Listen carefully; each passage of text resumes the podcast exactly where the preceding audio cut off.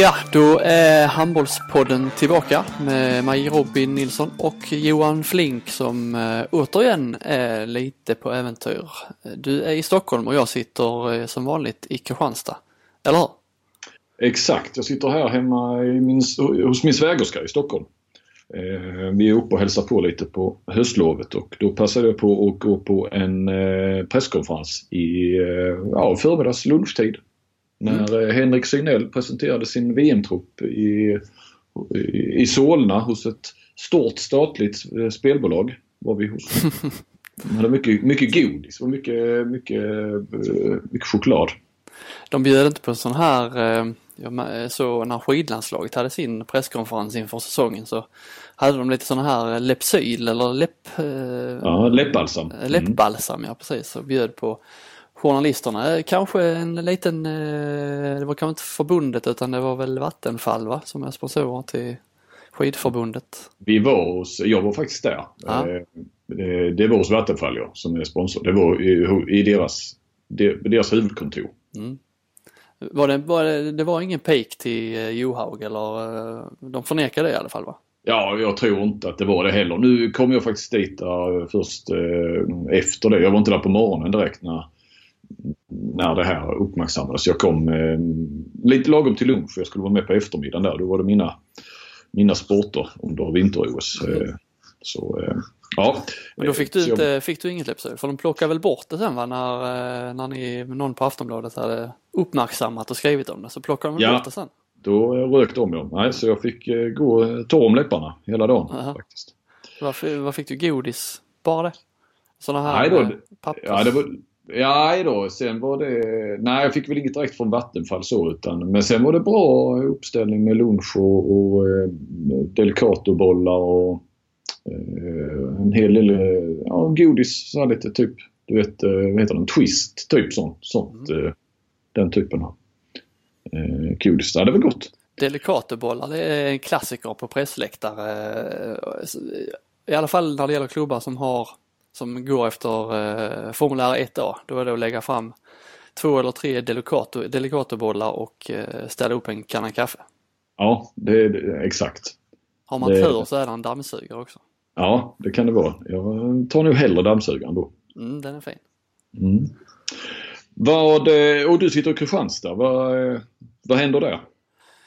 Det händer, ja nu händer inte så mycket. Vi laddar väl, eller jag laddar mest inför, eh, vi har ju en superlördag igen. Det är många superlördagar här nu med Kristianstad HK spelar på eftermiddagen och eh, Kristianstad spelar Champions League mot Vardar på kvällen. Ja, men det är två olika hallar som vanligt va? Det är två olika hallar ja. Nej, jag tänkte fråga om eh, damerna där som, som är med uppe i toppen. Märks det någonting på draget i, på stan och publiksiffror och sådär? Eh, ökar intresset?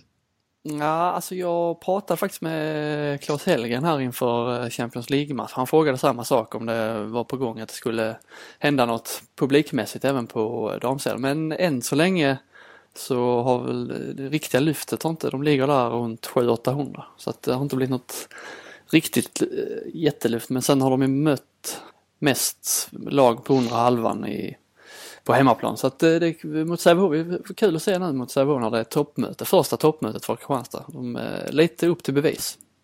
Men kan man lösa en biljett och gå på båda matcherna eller hur det funkar det? tror jag att man kan. Man eh, går väl in lite billigare på damerna om man har herrbiljett. Tror jag mm. Mm. Men det kan ju också vara så att, alltså man kan ju tycka då att, det finns ett jättestort handbollsintresse och det är bra att vara, eh, alltså jag tänker på, på damerna där men samtidigt så någonstans så är det ju en, det är ändå en tuff konkurrent får man ju lov att säga. Eh, kontra om du hade varit, ja men lite som det är i Skara och Boden där det inte finns någonting att konkurrera med. Det, det hade kanske varit lättare att varit i eh, Ja, eller för att inte säga eh, Hör till exempel. Där man har varit själv på banan och, och man får riktigt bra sportsliga resultat så kan det dra iväg. Här handlar det ju trots allt om att, att eh, söka få de som går på IFK att ja, gå precis sina matcher. För jag tror ändå att IFK täcker in alla handbollsintresserade kan man ju, får man väl då säga i Kristianstad. Med omnejd. Det gör de ju. Sen är det ju eh, från deras sida så pratar man om att det är bara en fördel att man kan liksom eh, eh flyga med på, på IFKs eh, framgångar där med, med publikmässigt. Men eh, visst är det en konkurren, konkurrenssituation också. Och, eh, Ja, det- Folk har inte hur mycket pengar som helst om man ska gå på båda, Nej. båda matcherna. eh, Nej, och tid, och tid för den. Jag menar lördag eh, här nu. Det, folk kanske inte tycker, ja ska de gå på kvällen så ja. Då kanske det är saker och ting som ska hinnas med på, på dagen. Trädgårdsarbete. Ja, Ja, inte nu kanske. Nej, jag, fan Robin du har väl hus? Du vet att nu ligger det väl nu ligger trädgården i träda. Jag har stått här utanför köksfönstret och blickat ut många gånger och tänkt att fan, jag skulle kanske hunnit med en gräsklippning till. Det ser lite vildvuxet ut men eh, nu får det vara. Ja, ja, jag har också eh, jag har ställt in gräsklipparen.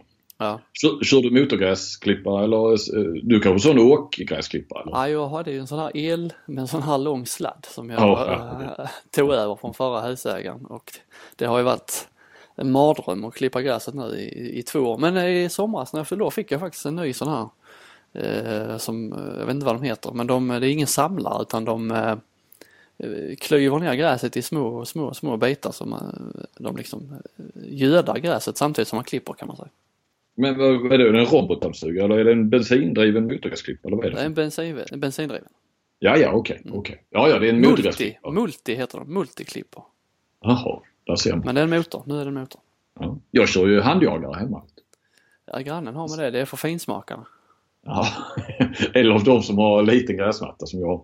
Det tar, eh, det tar 20 minuter att höra över min med en, med en enkel handgräsklippare.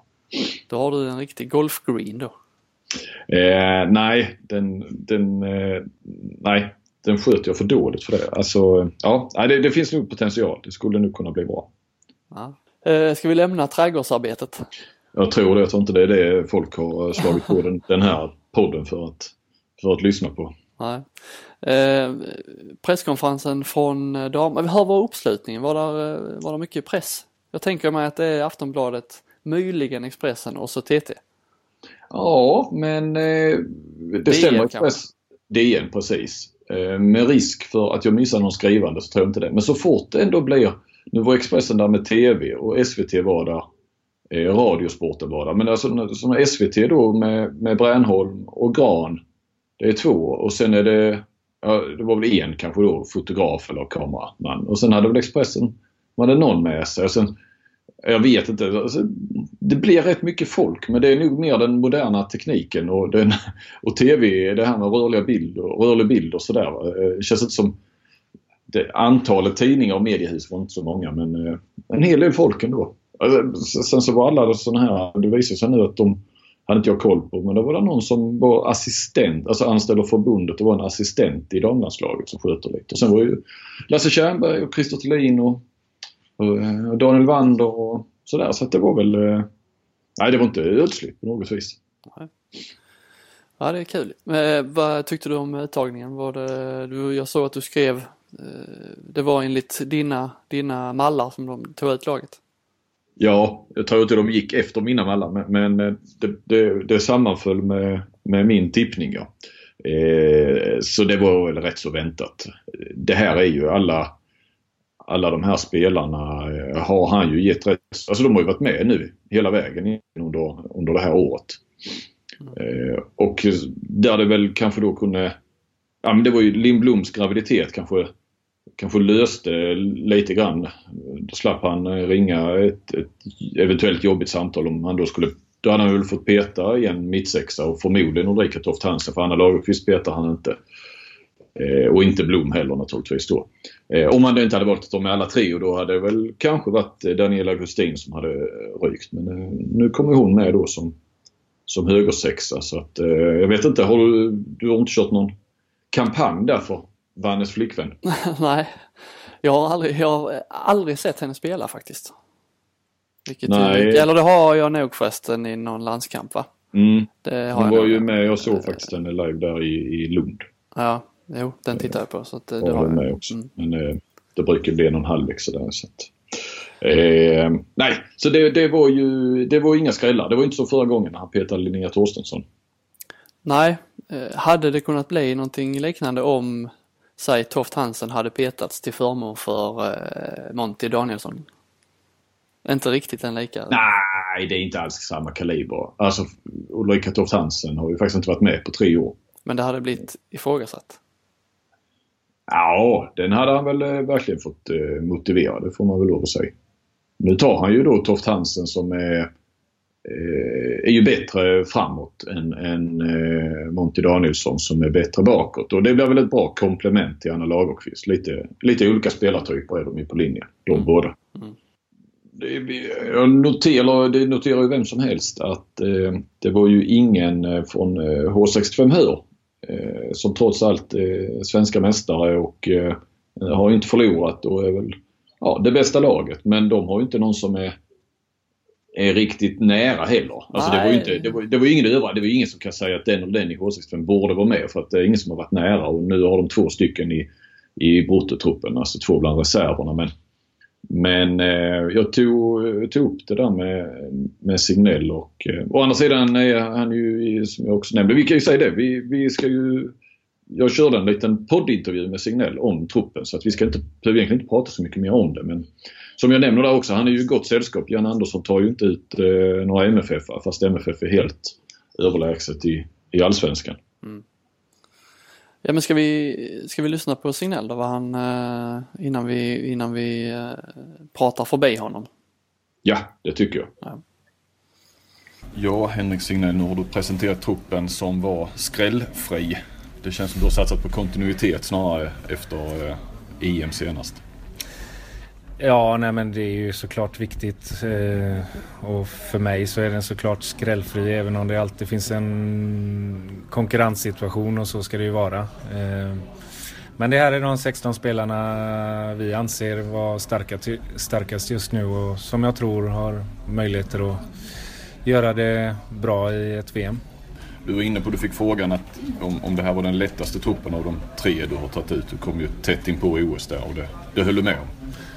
Ja, det gör jag nog. Eh, det är aldrig lätt men eh, eh, det har nog varit den som, som känns mest given och kanske varit minst att fundera på då. Vi har som sagt haft bra kontinuitet i, i, i detta och jag tycker att alla de här 16 spelarna de, de har stora roller i sina klubblag och spelar också i bra, bra lag och ligor. Och så att, eh, ja, men relativt lätt då om man får använda det ordet. 14 av de 16 spelarna var med i EM senast som, som inte blev den där succén i varje fall. Vi ska, behöver inte prata om det var misslyckande eller fiasko eller gradera det där. Men, men någon succé blev det inte. Eh, vad talar för att det ska ändå gå bättre den här gången? Eh, nej men det är klart att det är fortsatt hårt jobb och hade lite problem med skador och skavanker och slitna spelare inför det mästerskapet och samtidigt så eh, ja, vi var inte riktigt skarpa i avgörande skeden och det förlorade mot Frankrike och Holland. i två ganska tuffa jämna matcher eh, eh, där vi inte riktigt var bäst när det gäller och den där lilla flyten som man eh, ofta förtjänar egentligen. Eh, vi, vi hade inte den och någonstans så handlar inte det om som vi analyserat och, och, när vi utvärderar det mästerskapet så handlar inte det om eh, bristande handbollskunskap. Det är klart att vi eh, hela tiden eh, strävar och, och, jobbar hårt för att spelare ska, ska utvecklas och det är både våran och deras ambition men eh, vi anser att den här truppen är den bästa och, och eh, tycker också att vi har en potential och kapacitet att slå, slå de, de bästa lagen. Vad är målsättningen? Ja, vi har inte riktigt pratat om en slutmålsättning än utan eh, gruppen är tuff nog och där vi vill skaffa oss en så, så bra placering och vinna så mycket matcher som möjligt, ta med oss så mycket som möjligt inför en inför en åttondelsfinal mot ett lag som garanterat kommer bli tufft där också och det är jättesvårt att sätta ett resultatmål eh, kommer vi möjligtvis göra längre fram men just nu så, så fokuserar vi på, på gruppen som är, som är tuff nog. Men blir det inte det vanliga ändå eh, kanske eller att, att en kvartsfinal är en realistisk målsättning och allt däröver en, en succé och en bonus? Ja, det är möjligt om man tittar på den typen av resultatmål så och, och, och, och bara, bara mäter eh, en, en, en siffra eh, i en, eh, ett resultat. Men det är många andra delar som, som blir viktiga i, i, i målsättningar och ju, ju, fler målsättningar vi fyller upp till rent handbollsmässigt i, i den enskilda matchen i varje situation ju större chans är det att vi att vi kommer långt i mästerskapet och det är det vi lägger våran vikt vid. Förmodligen om inte Linn Blom hade blivit gravid hade det förmodligen varit 15 av 16 från, från eh, EM-truppen senast. Vad betyder det att Linn Blom är borta? För att hon gjorde ett, ett rätt starkt EM och ja, har ju väl varit på sätt och vis första valet också på mittsex ett tag.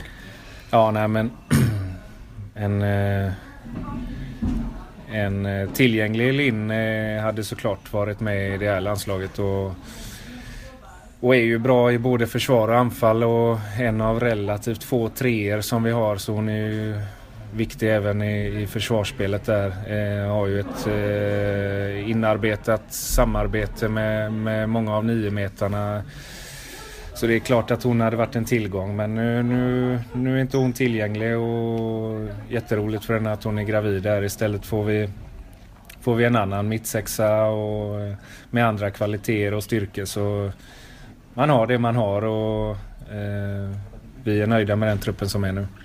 Vem blir första valet på vänsternio?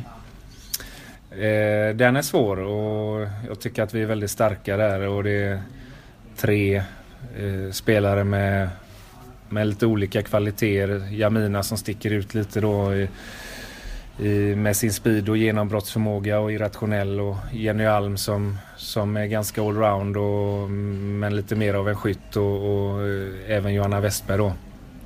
Eh, det är för tidigt för mig att säga än och det får eh, nästintill en dagsform eh, visa sig i, i veckan vi har innan mästerskapet här. Men jag känner att vi är starka där men eh, det är klart att det är viktigt att få lite kontinuitet och roller även där.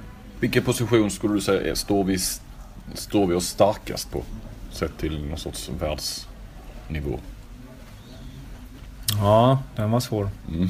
Eh, jag tycker att vi är ganska jämnstarka överallt och eh, har egentligen ingen utpräglad eh, position. Eh, men det är klart att vi har spetsspelare i Bella och många vänsternior som är duktiga. Jag tycker vi är bra på vänsterkanten. Eh, och resten. Ja. ingen, ingen nämnd, ingen glömd höll du säga fast du nämnde några. Eh, om vi tittar på gruppen bara. Mm. Eh, så snackar vi Norge, Tjeckien, Ungern, Argentina, Polen.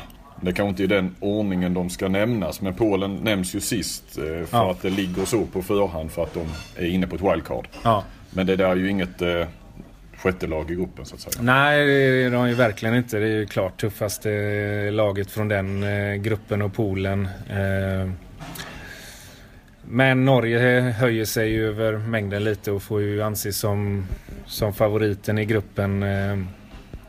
Sen är det väl på pappret och vi, Ungern, Polen, eh, i viss mån Tjeckien kanske snäppet bakom oss tre som, mm.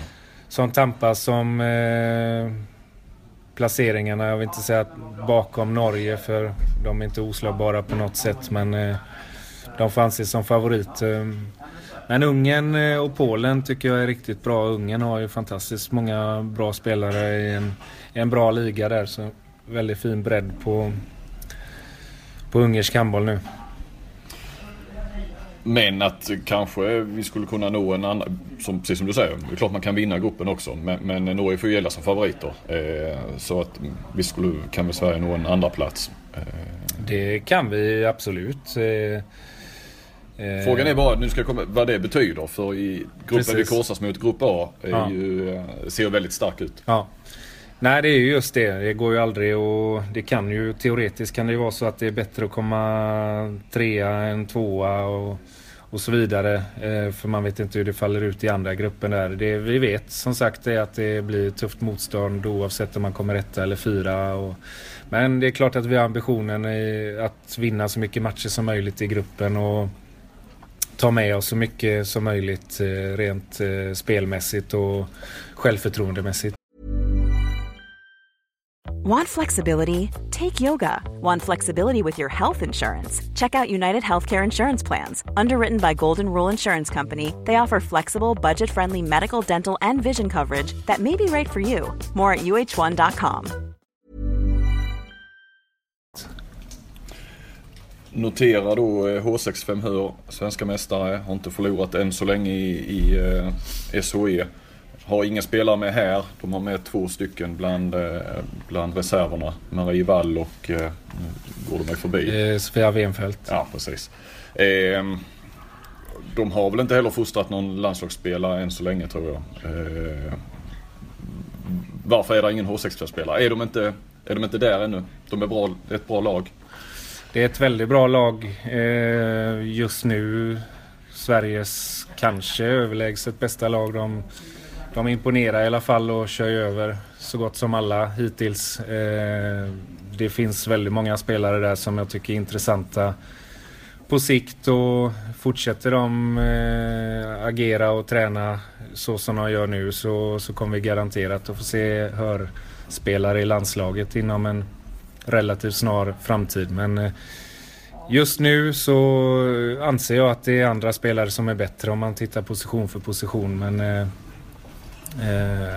det är klart att eh, Sveriges klart bästa lag eh, eh, bör förr eller senare ha, ha spelare med i landslaget. Men det är många spelare ute i Europa just nu och och... Jag säger att nu sticker Lars Grimlund DN in här med, med och måste ha en kopp kaffe här. Han kan, kan inte vänta längre. H65 ja, att de kommer ha, tror du? Ja, det, det är jag alldeles övertygad om för de verkar ha en bra verksamhet och många spelare som, som har helt rätt inställning och jobbar hårt i vardagen.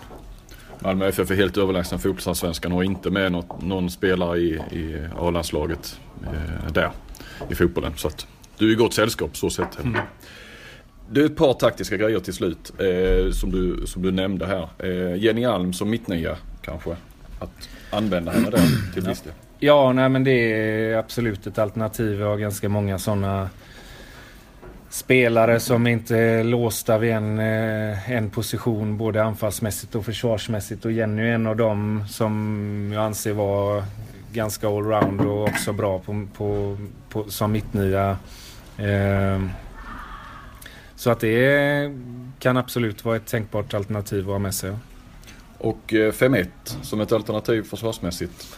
Ja, men man har alltid alternativa försvarsspel eh, eh med har vi väl inte sett Sverige Ja, vi jobbar en del med det under EM. Eh, i vissa perioder. Nu är det jag som... Ja, ja mm, det är bra. Eh, men det är klart att 6-0 är våran, eh, vårat utgångsläge. Och och det är vi mest trygga i. Men vi har eh, lite ont om treor och eh, tycker också att vi har typer som är bra i man-man-spelet. Som, eh, som gör att 5-1 eh, kan vara ett eh, gott och, och intressant alternativ att ha med sig. Jamina Roberts då kanske som en spets? Ja, Jamina är ett, ett, ett hett alternativ där. Kan även vara Anna Lagerqvist. Samtidigt kan kan Anna vara viktig att ha på en av tvåorna och mm.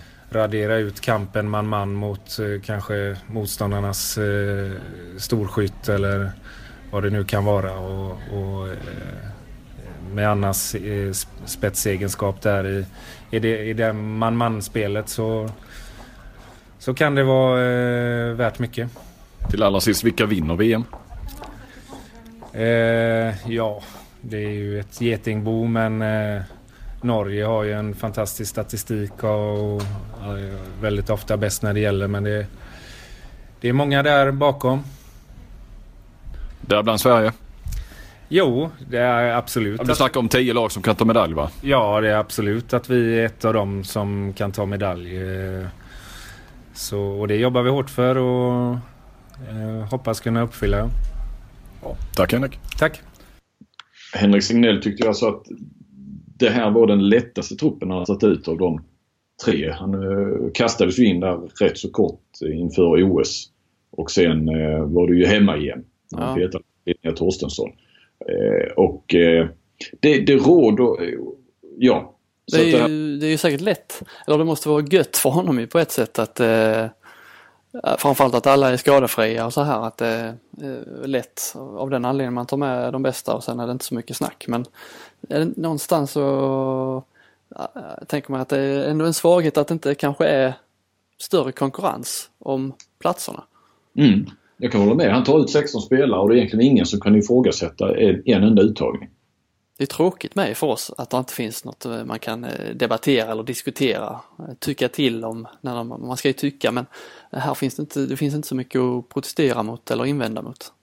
Nej, det, det är det inte och det, det, jag håller med dig att, att eh, samtidigt som han Å andra sidan har han ju bäddat för det kanske på ett vis också under, under året genom att ja, ta med de här och inte ta in några nya som kanske gör en, en eh, riktigt, som, som slår till och gör någon bra landskamp och sådär. Eller så är det vi som det är kanske också så att vi journalister har lite för, då, vi är för dåligt insatta också. Vi har kanske lite för dålig koll. Vi ser inte där finns ju trots allt proffs ute i Europa som, som inte är med i de här diskussionerna som de kanske borde vara det. Och, eh, det kan ju ligga lite så också att, mm. att eh, eh jag ska inte säga att det ligger han har, han har fegspelat lite med Signell. Att han inte har testat, eh, säg att en Anna Bardis hade gjort succé, hon hade fått eh, bra med speltid en landskamp och, och kanske skrikits lite på att hon skulle in där på mittnej eller vänsternej. Eh. Nej, jag, nej, det tycker jag egentligen inte för jag förstår ju honom att han vill hitta en kontinuitet nu och att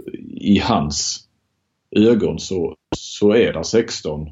Ja, det hade ju varit då Lindblom 17 och då hade ju någon av de här 16 eh, rykt då. Men, men att jag förstår ju honom. Alltså det, det, det, ska jag väl inte säga att han, att han varit feg. Nej, det, det tycker jag, jag försökte inte. bara provocera ja.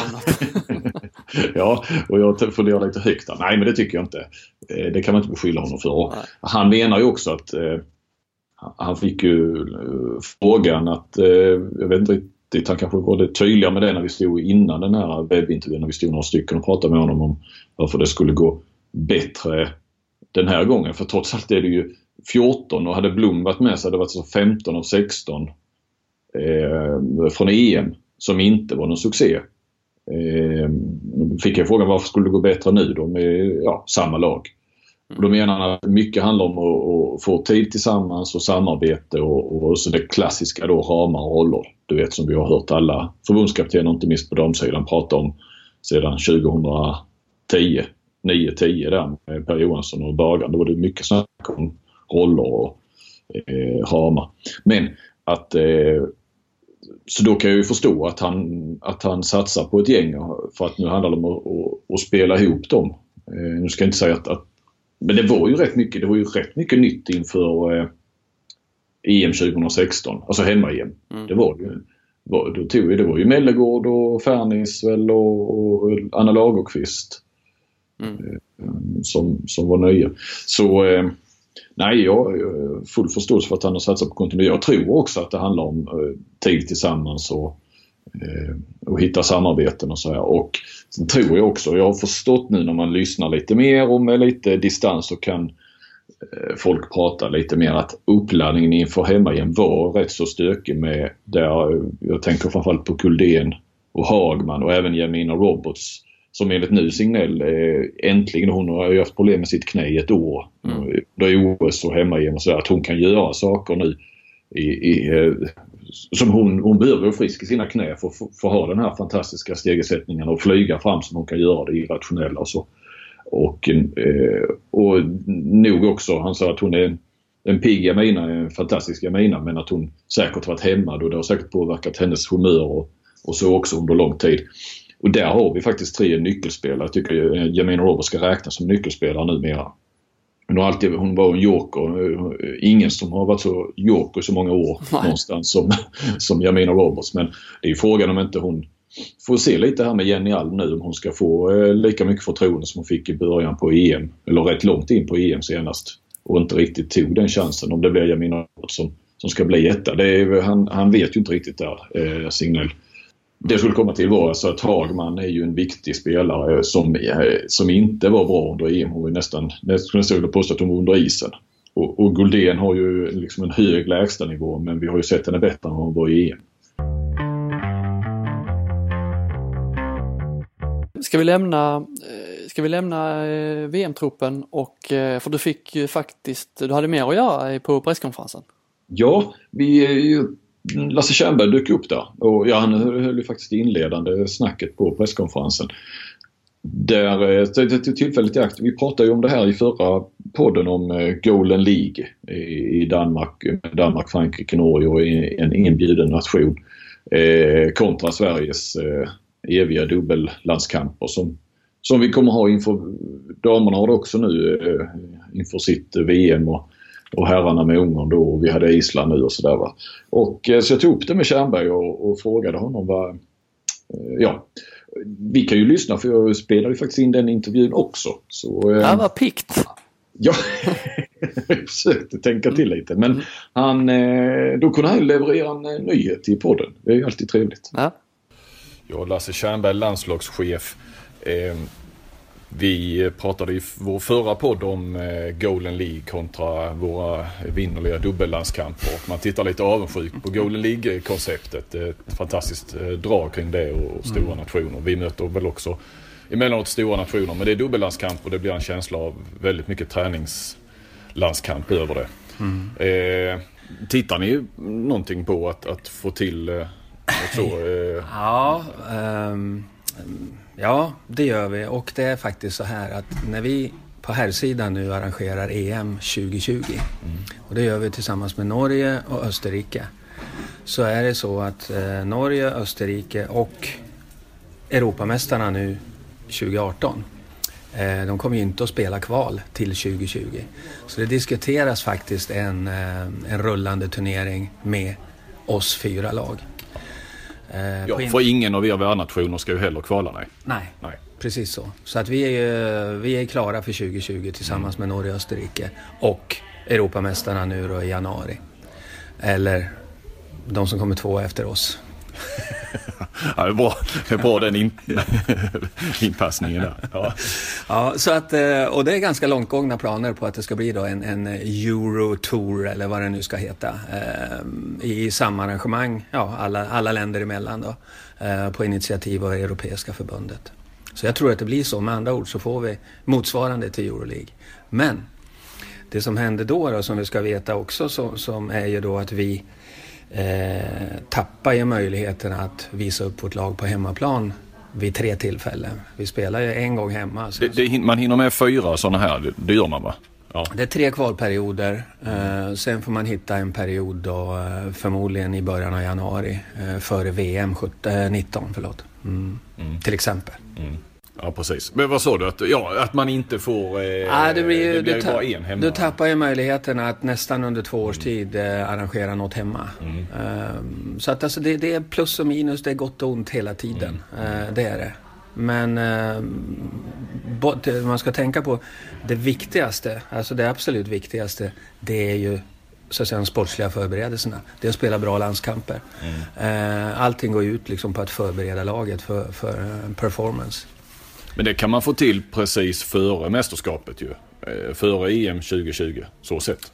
Det stämmer, det stämmer. Då har vi en period. Ja. Det är liksom den sista. Men då har vi spelat av den här. Mm. Men två år framåt, då, då har vi den här verksamheten. Mm. Men sen absolut, då blir det ju några vettiga förberedelser. Förhoppningsvis på hemmaplan då.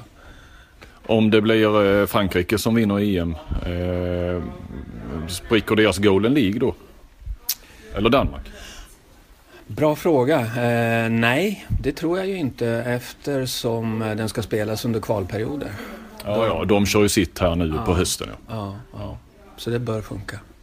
Vilken är drömnationen som vinner EM om inte Sverige gör det då? Eller som vi slår i finalen? Kommersiellt eller så? Kommersiellt? Ja men Frankrike är väl alltid, eh, jag menar det är ju topplaget. Mm. Det är absolut, mm. absolut. Du sa på initiativ lite grann av IOF eller eh, alltså hur kommer det vara framöver? Är det många värdnationer till EM?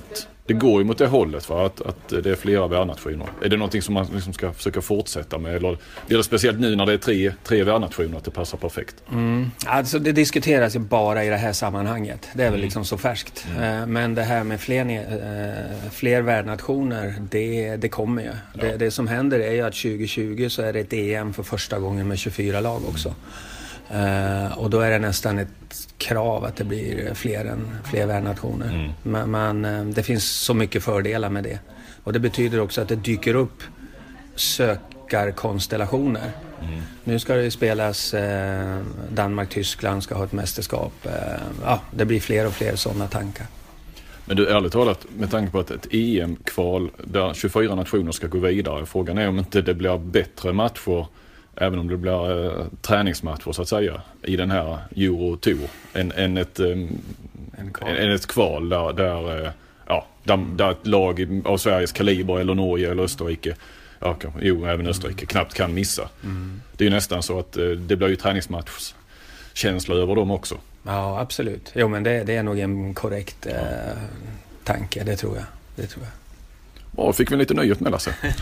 Tackar. Varsågod.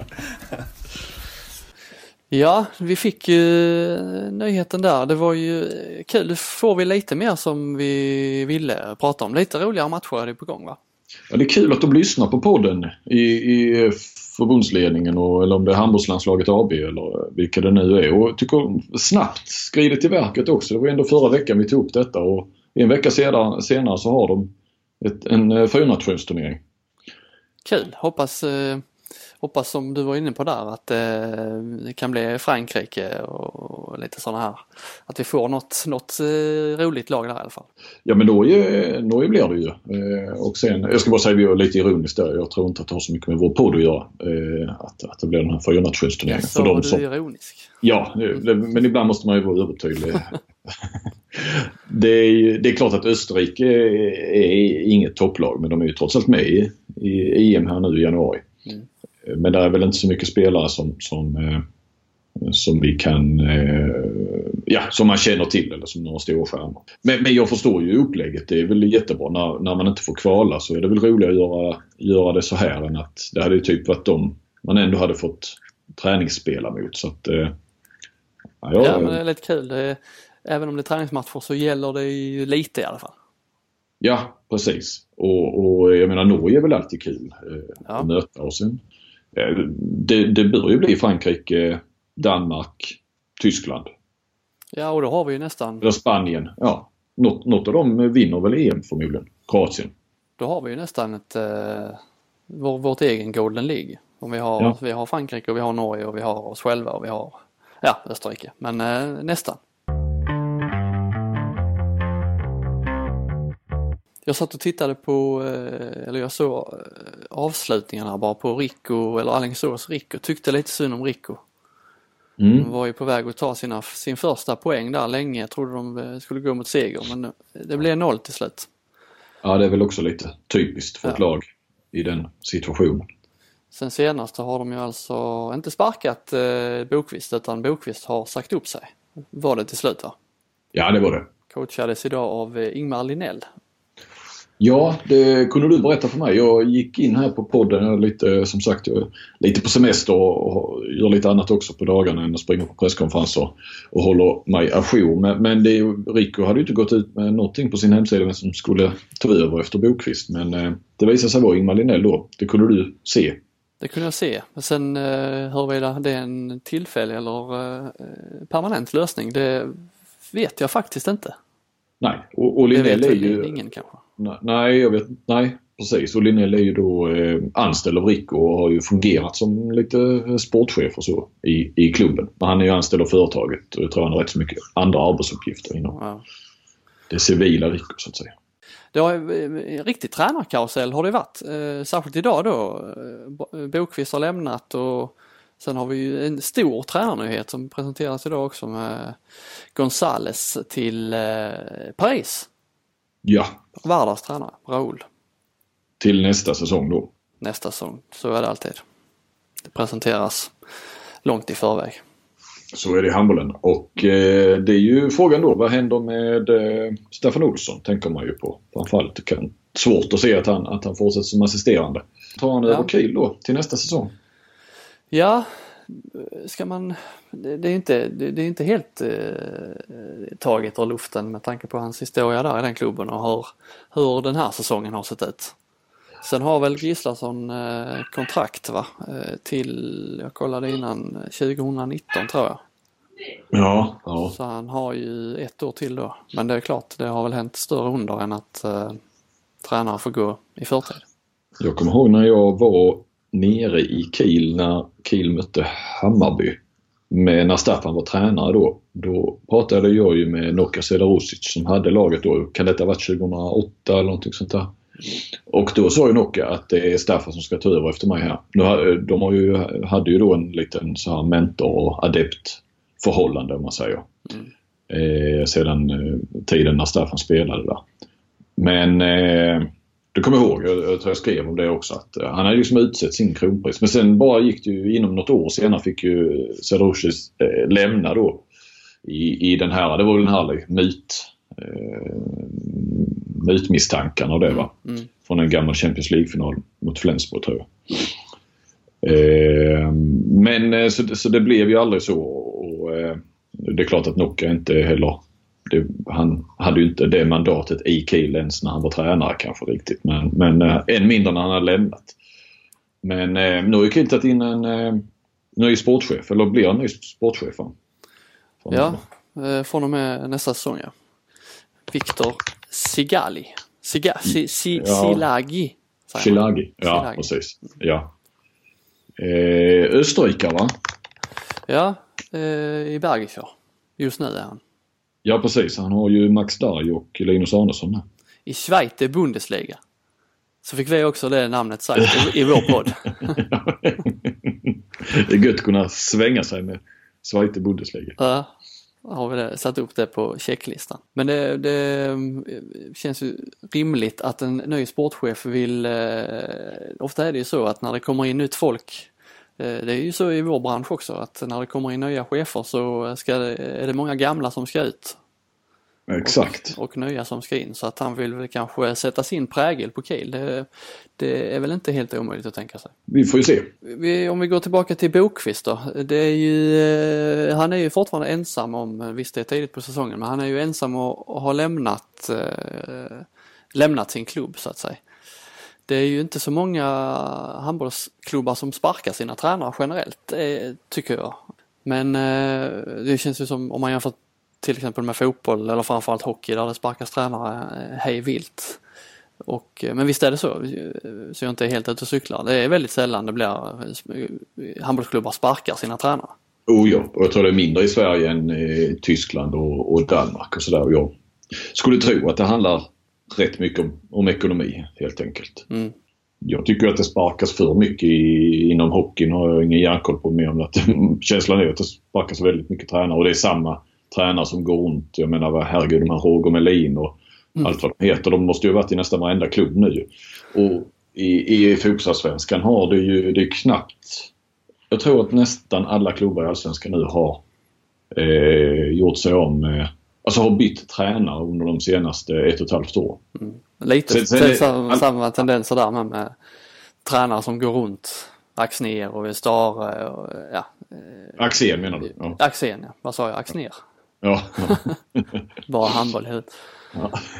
Eh, nej men visst är det så. Så, så, så det, dit, där vill vi ju inte hamna men, men eh, det känns som att det är ju lite, det är nog ekonomi. Alltså, där kanske, nu ska jag inte säga just nu vilka lag eller klubbar som borde sparka sin, sin tränare. Men, men visst har det funnits tillfällen där det kanske faktiskt hade, hade hjälpt. Inte så mycket för att men ibland är det bara där för att ja. få, in, få in en ny röst och, och det händer någonting. Du måste ju, det är ju lättare att sparka en tränare än, än 16 spelare. Men om vi hade haft lite fler styrelser då med, med lite som Trump som sitter på, sitter på den röda knappen och är lite otåliga.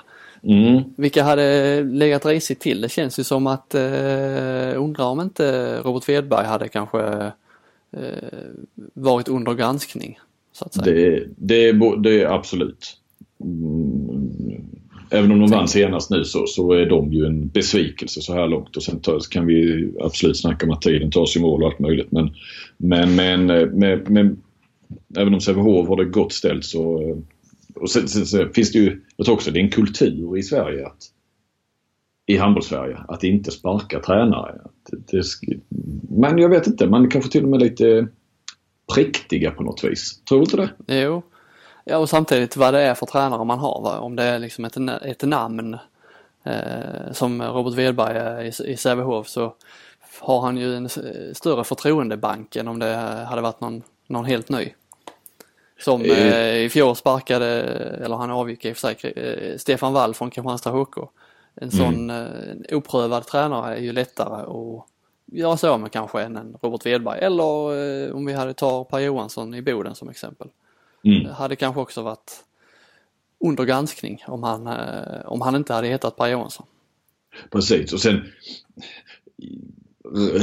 för, jämfört med Allsvenskan och SHL så är det ju också så att rätt många tränare är ju så, som nästan kommit underifrån också i klubben så tätt. Alltså det är inte, det är inte den här in, inplockade Ja, för det första så, så, är de inte inplockade för att någon har sparkats eftersom det sedan sparkats. Men jag tänker, jag menar, Axner är ju så förknippad med Lugi. Det, det ska rätt mycket till. Du snackar förtroendebank. Eh, vi har Sutta i RIK som, som liksom har kommit från junior, gammal spelare och juniorhållet. Mm. Eh, Wedberg i Sävehof har ju, är ju liksom en av Sävehofs legendarer som spelare. Eh, vad har vi i Guif? Har vi en hel kader med, med gamla spelare där som, som har hand om A-laget med, med Janne Ekman i, i spetsen.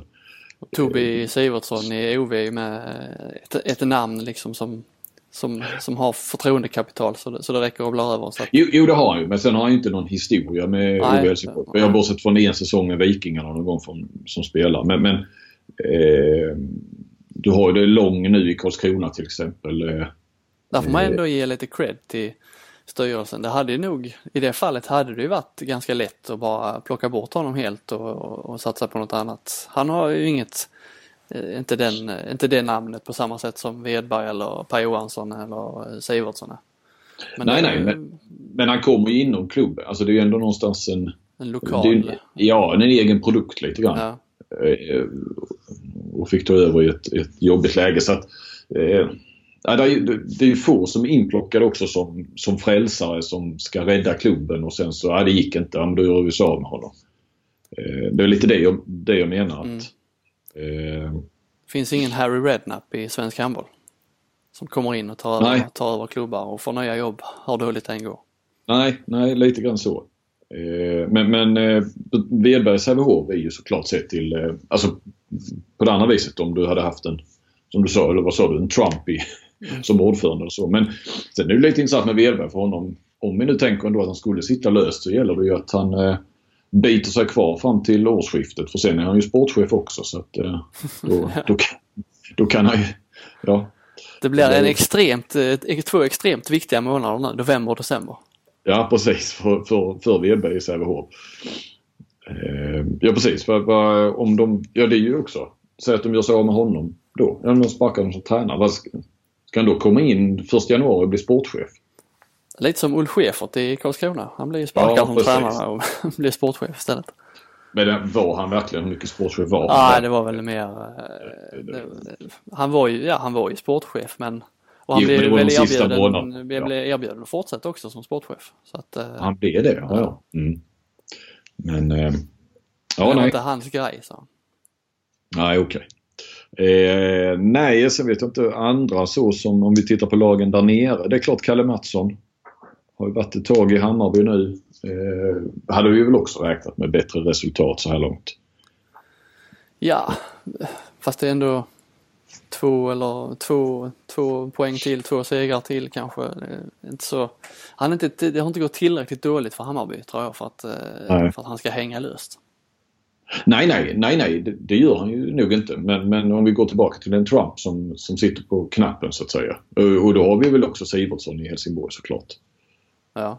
Eh, på det viset. Men jag menar Aranäs, Tony Jo Aranäs har ju faktiskt gjort det bättre än vad, definitivt än vad Eh, Men sen många... är ju eh, sån som Liljest, Patrik Liljestrand i, i Skövde som mm. har varit där ett tag och där de väl ändå har förväntat sig att det ska, ska lyfta här någon gång och vi har ju pratat tidigare den här säsongen om att ja, kanske i år är det säsongen där det, där det lyfter men nu verkar ju ändå inte så för nu är de ju tillbaka där 10, 11 kanske till och med där de, mm. där de alltid är nu för tiden.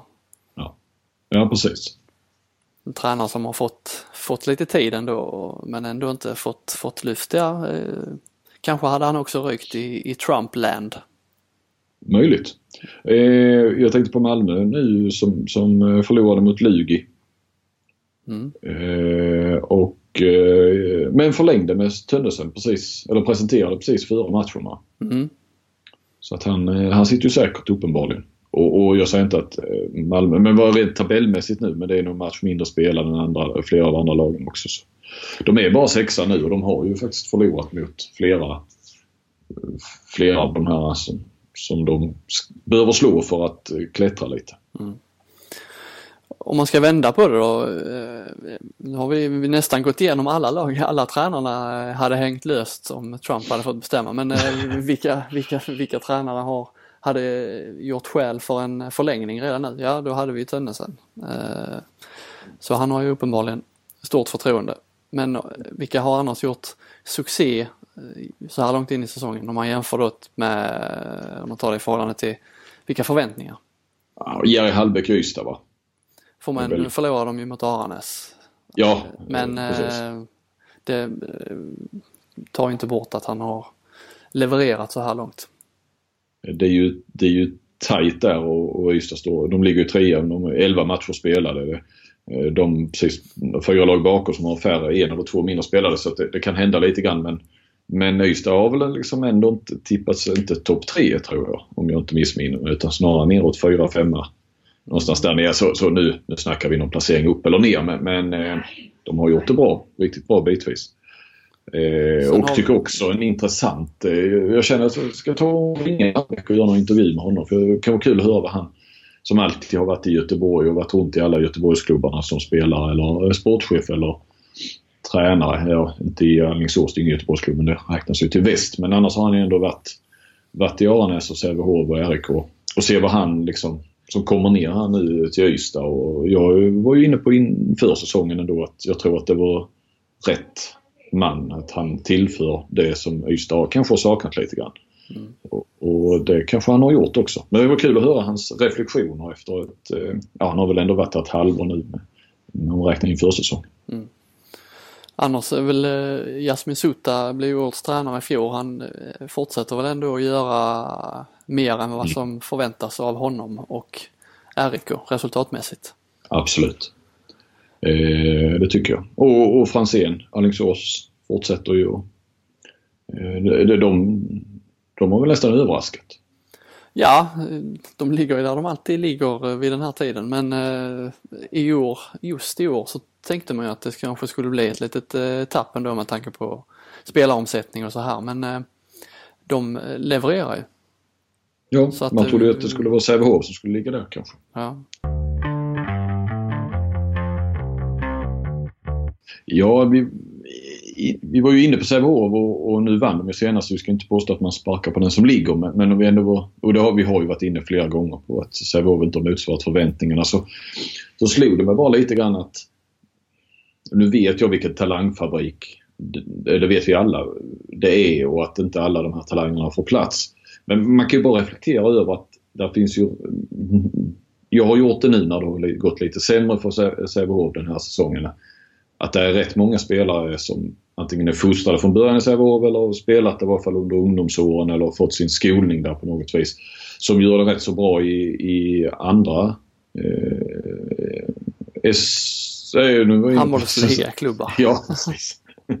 eh, Alltså du, okej okay, kanske, nu tänker jag Robert Månsson, han spelar inte eh, ännu med, med sin skada och sådär men som är ju en nyckelspelare i, i, i Malmö. Blickhammar eh, är ju egentligen, har ju också varit i Sävehof. Eh, har gjort det riktigt bra i höst. Eh, vi har eh, talangerna i Alingsås här nu som kanske håller på att slå igenom. Sandberg och Andersson Moberg.